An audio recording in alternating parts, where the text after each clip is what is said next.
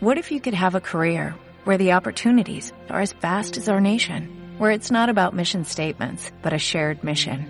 At U.S. Customs and Border Protection, we go beyond to protect more than borders, from ship to shore, air to ground, cities to local communities. CBP agents and officers are keeping people safe.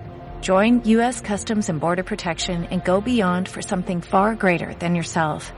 Learn more at cbp.gov/careers. Credo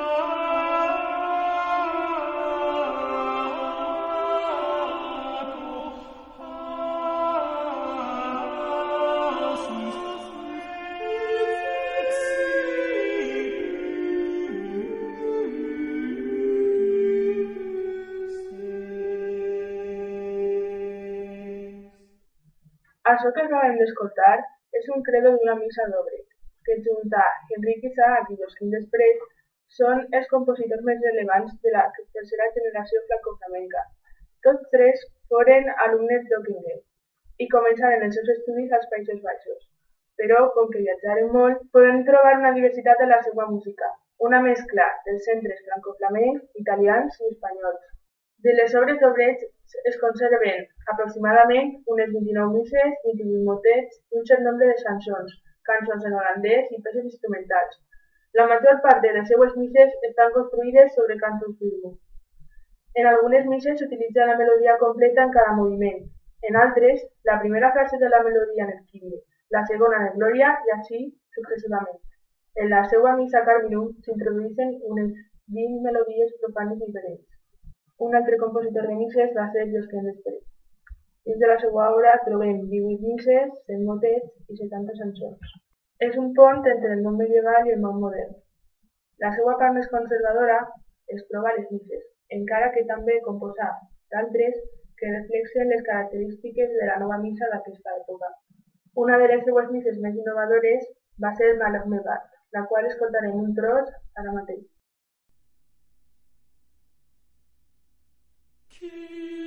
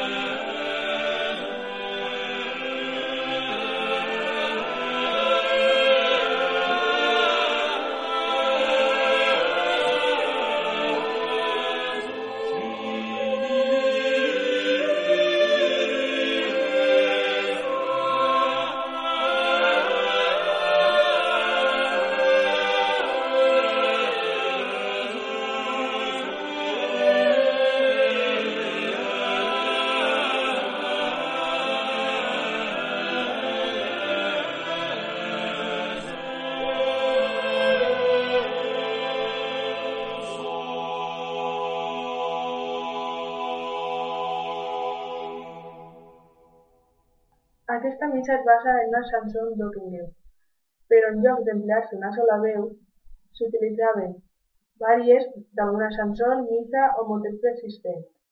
Aquest tipus de missa es va denominar missa d'imitació, encara que també es solia anomenar missa de paròdia. La missa d'imitació comença a substituir la missa de cantus firmus com a forma dominant cap al voltant del 1520. Però Lídia, com bé has dit abans, cal recordar que la forma que més va treballar Josquin després va ser els motets, no? Per suposat, Jaume. És que cal destacar l'elevada proporció de motets en la producció de Josquin, ja que en la seva època la missa era el vehicle més important per a treballar la música, però els motets donaven més llibertat a l'autor. Per això, en el segle XVI va ser el motet el gènere més atractiu per als compositors. Un exemple de motiu en el que Josquin després mostra el seu gran talent és A Barcelone, puis Lille.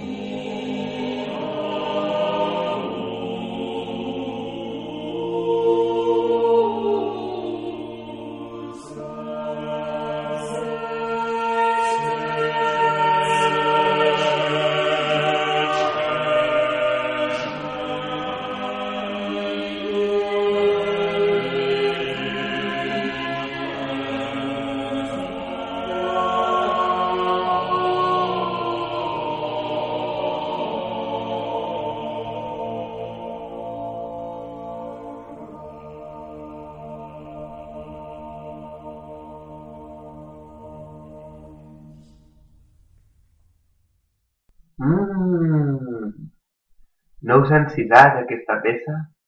Bo, Pablo, ara podries parlar-nos tu sobre la chanson, que és la tercera forma que ens falta per escoltar sobre aquesta tercera generació. Doncs veureu, a finals del segle XV les cançons pateixen un increment del contrapunt imitatiu. Les cançons en aquella època eren objecte d'alteracions, arranjaments i transcripcions lliures per instrument. Sobretot foren una font inagotable per a cantus firmus de les misses. Però no podem parlar de la chanson sense mencionar el Dodecaton, una de les antologies més famoses que existeixen, que recollís cançons d'obres Isaac i Josquin. El seu títol significa cent cançons.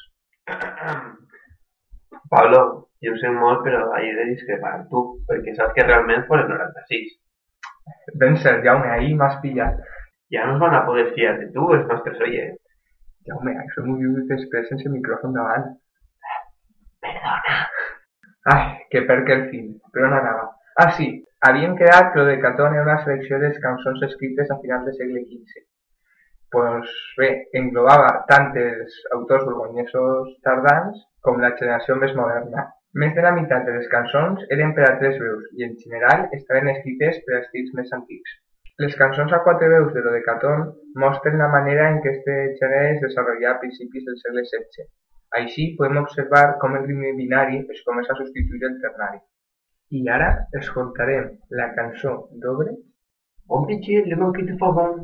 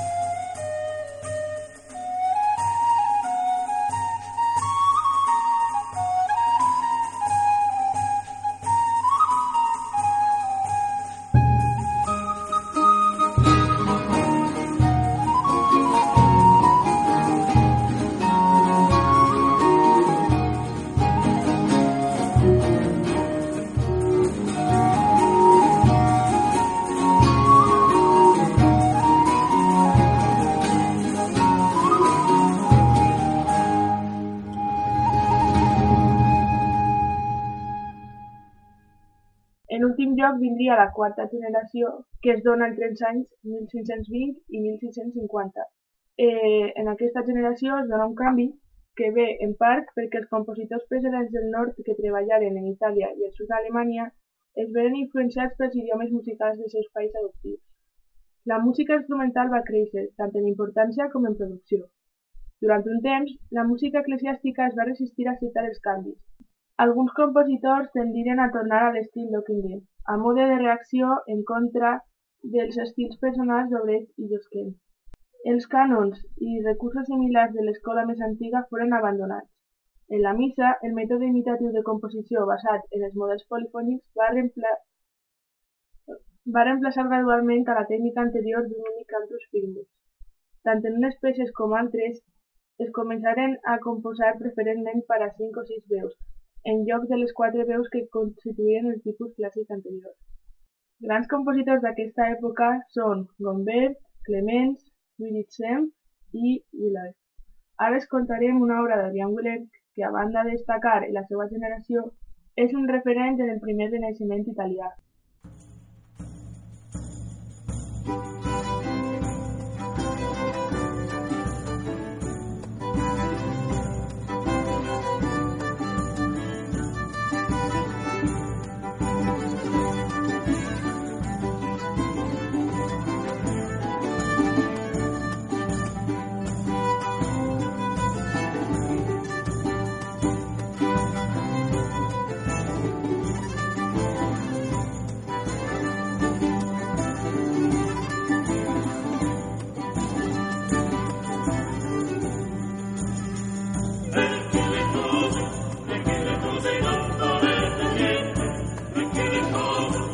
Say no, no, no, no,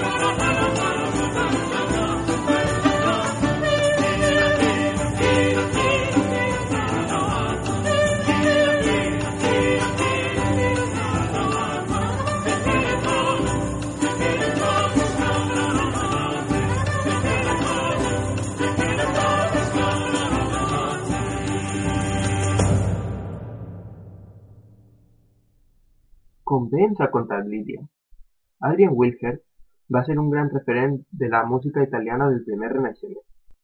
Aquest músic de l'escola franco-flamenca, cap a 1520 arribà a Itàlia, on va ser nombrat director musical de San Marcos de Venècia.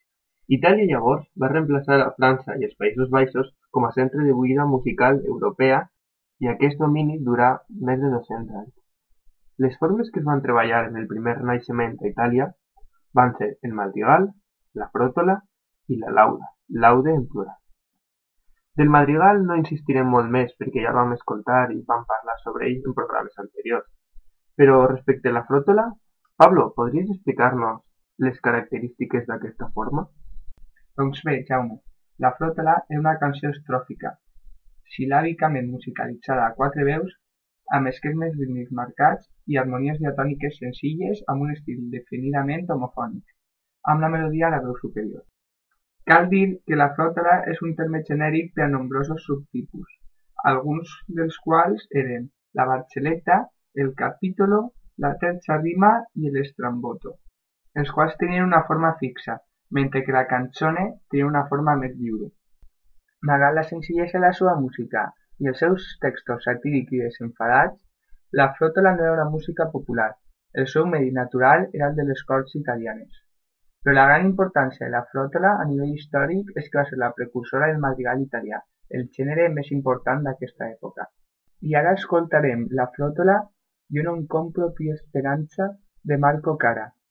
És una queixa desenfadada d'un amant desil·lusionat.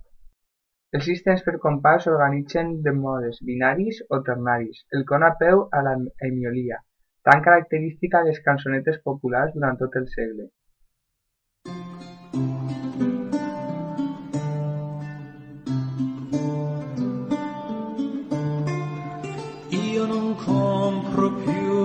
Speranza che è falsa mercanzia. Io non compro più speranza che è falsa mercanzia. A dar tendo via quella poca che m'avanza. Io non compro più speranza che è falsa mercanzia, che è falsa mercanzia.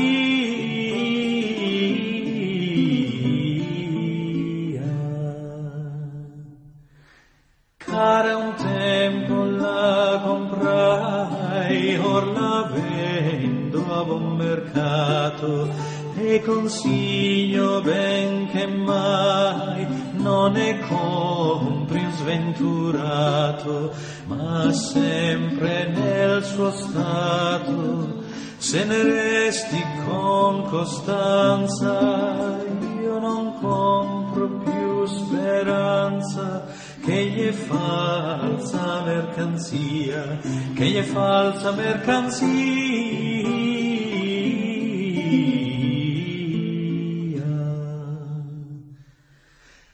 Il sperare come il sogno che per più riesci nulla, e sperar proprio il bisogno di chi al vento si trastulla, e sperar sovente annulla chi continua la sua danza.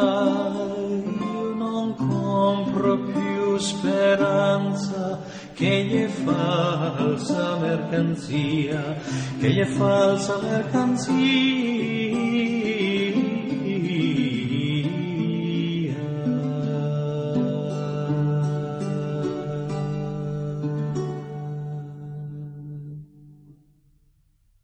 Mmm, quina delícia! Ara podries parlar als nostres oients al voltant de la lauda, la única forma que ens queda per parlar d'ella. Aquesta forma va ser la contrapartida religiosa de la fròtola, una cançó religiosa no litúrgica. Els seus textos a vegades estaven en italià i d'altres en llatí. Els mateixos s'aplicaven a una música a quatre veus. I les seues melodies a vegades es prenien de cançons profanes.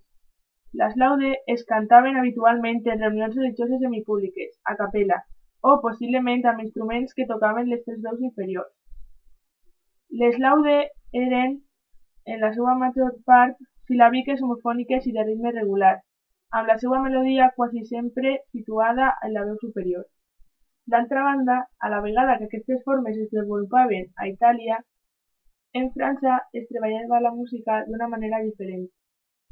Molt ben dit, Lídia. Els compositors francesos, a començaments del segle XVI, feien una versió lleugerament modificada de l'estil internacional. Van desenvolupar un tipus de chanson anomenada chanson parisina.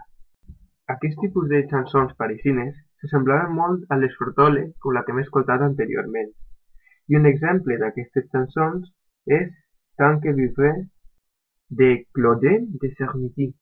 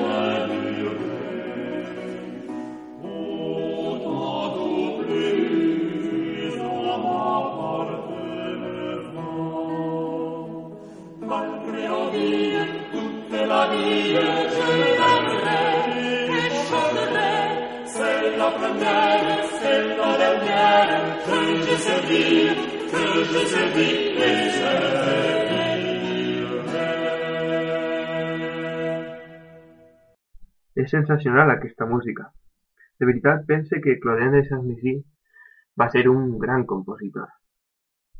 Bé, com hem dit abans, s'assembla molt aquest tipus de chanson, de chanson parisina, a les frotole com la que hem escoltat anteriorment. No sé si haureu pogut apre apreciar que la melodia es troba en la veu aguda i que l'harmonia està formada per terceres i cinquenes, cosa que també ocorria en les frotole.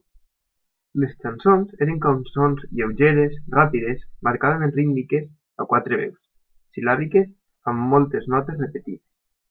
Tenien esquemes senzills de captació, per exemple AABC, ABCA i un considerable espectre de formes i temps. Els grans compositors de les cançons del primer renaixement en França van ser Sermisi, del que m'estàs parlant, i Clement Janequin. La més famosa de les cançons de Janequin va ser l'anomenada La guerra.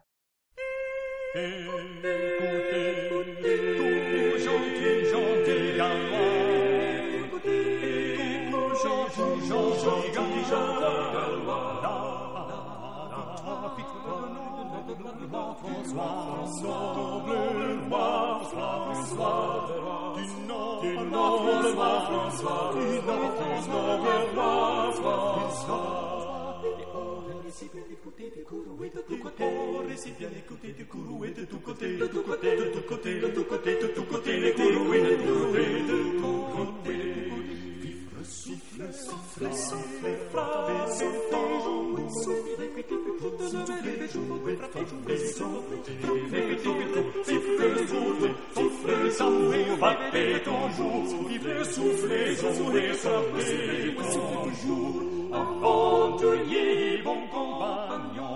Ensemble, croisez vos bâtons.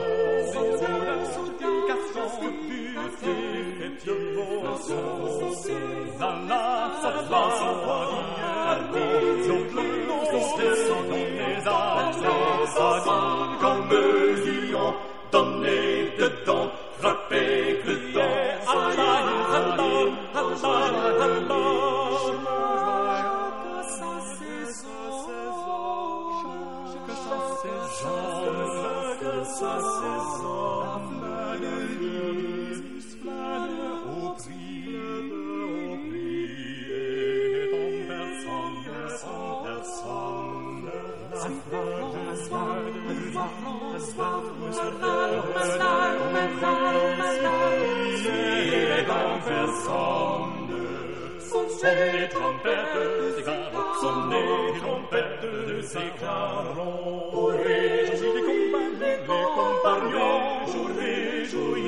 Pour les amis, pour réjouir les compagnons, les collègues compagnons, pour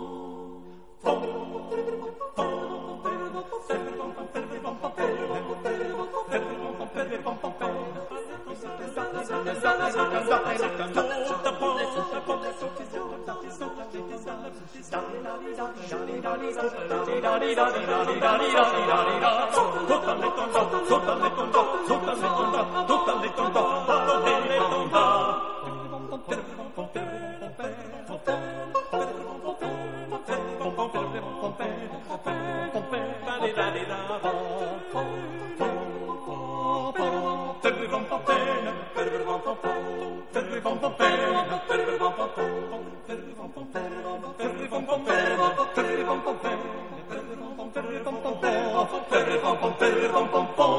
Brillez,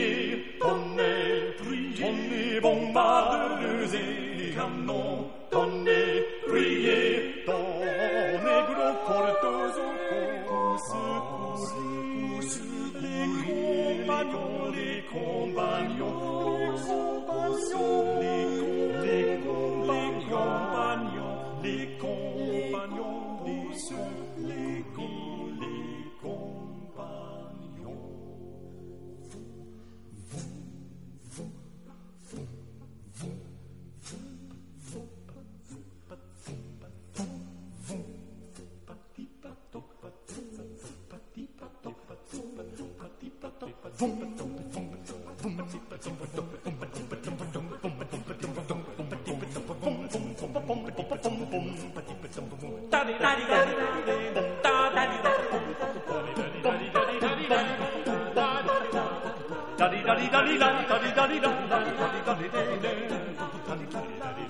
da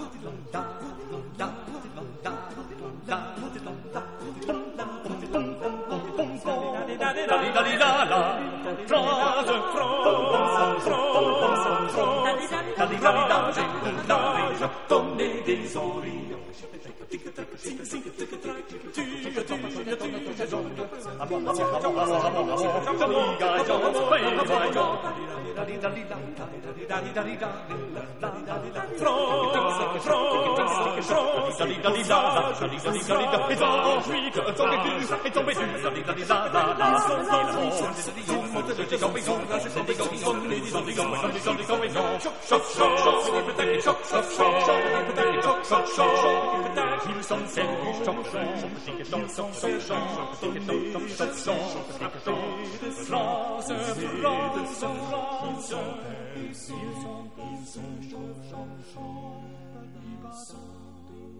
Victoire.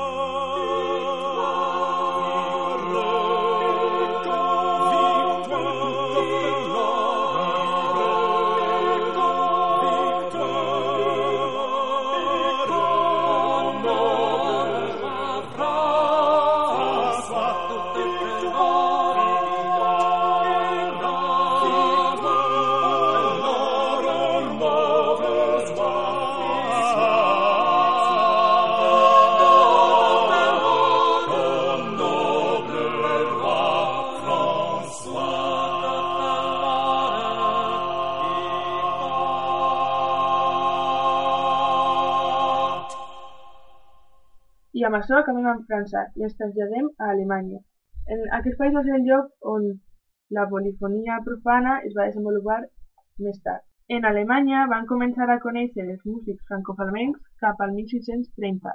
En aquest país, la forma que més es va desenvolupar va ser el lied, la cançó. Eh, podíem... podien es... Estaven arreplegats en cançoners. Un d'ells va ser el Lochamel i el Liederburg, i l'altre el Globe Liederbund.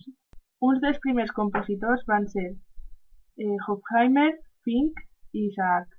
D'aquest últim, ara escoltarem una obra seva anomenada Innsbruck its Mutzdichtlassen. Mm.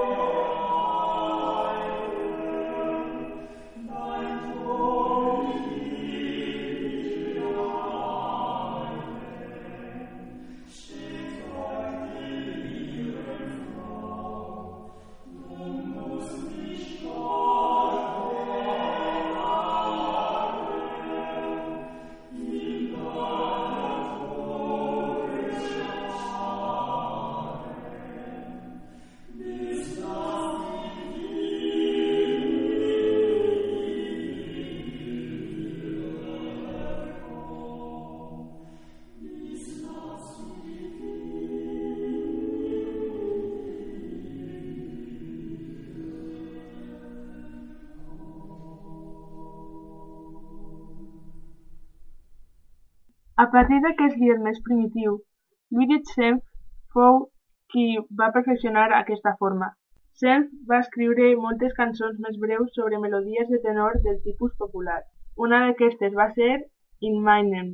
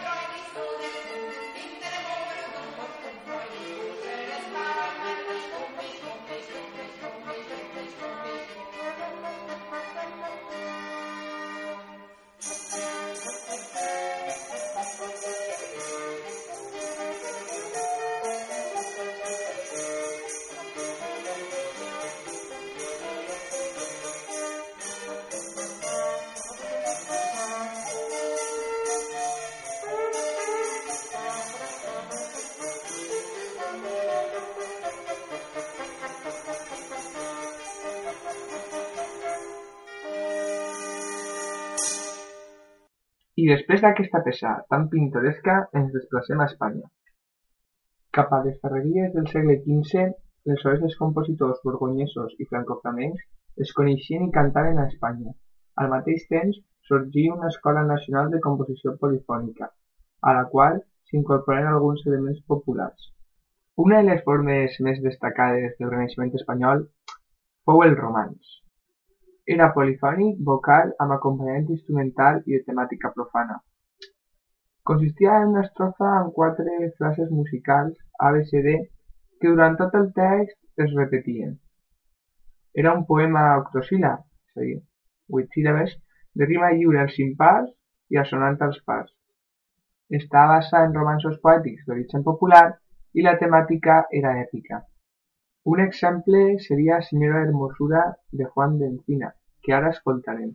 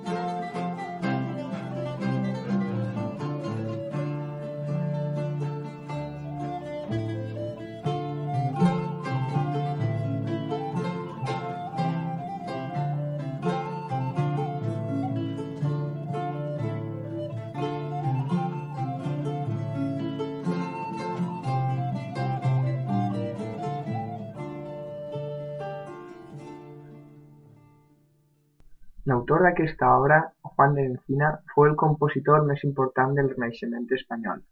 Un moment, Pablo. Has dit Juan de l'Encina. ¿No era Juan de Femoselles? Bé, Jaume, això no està tan clar. Si ben cert és que hi ha gent que hi opina que va poder néixer a Fermosell, sembla que més bé nasqué a la Encina. D'ahir que siga més conegut per aquest nom. Ah, doncs, això no ho sabia. Gràcies.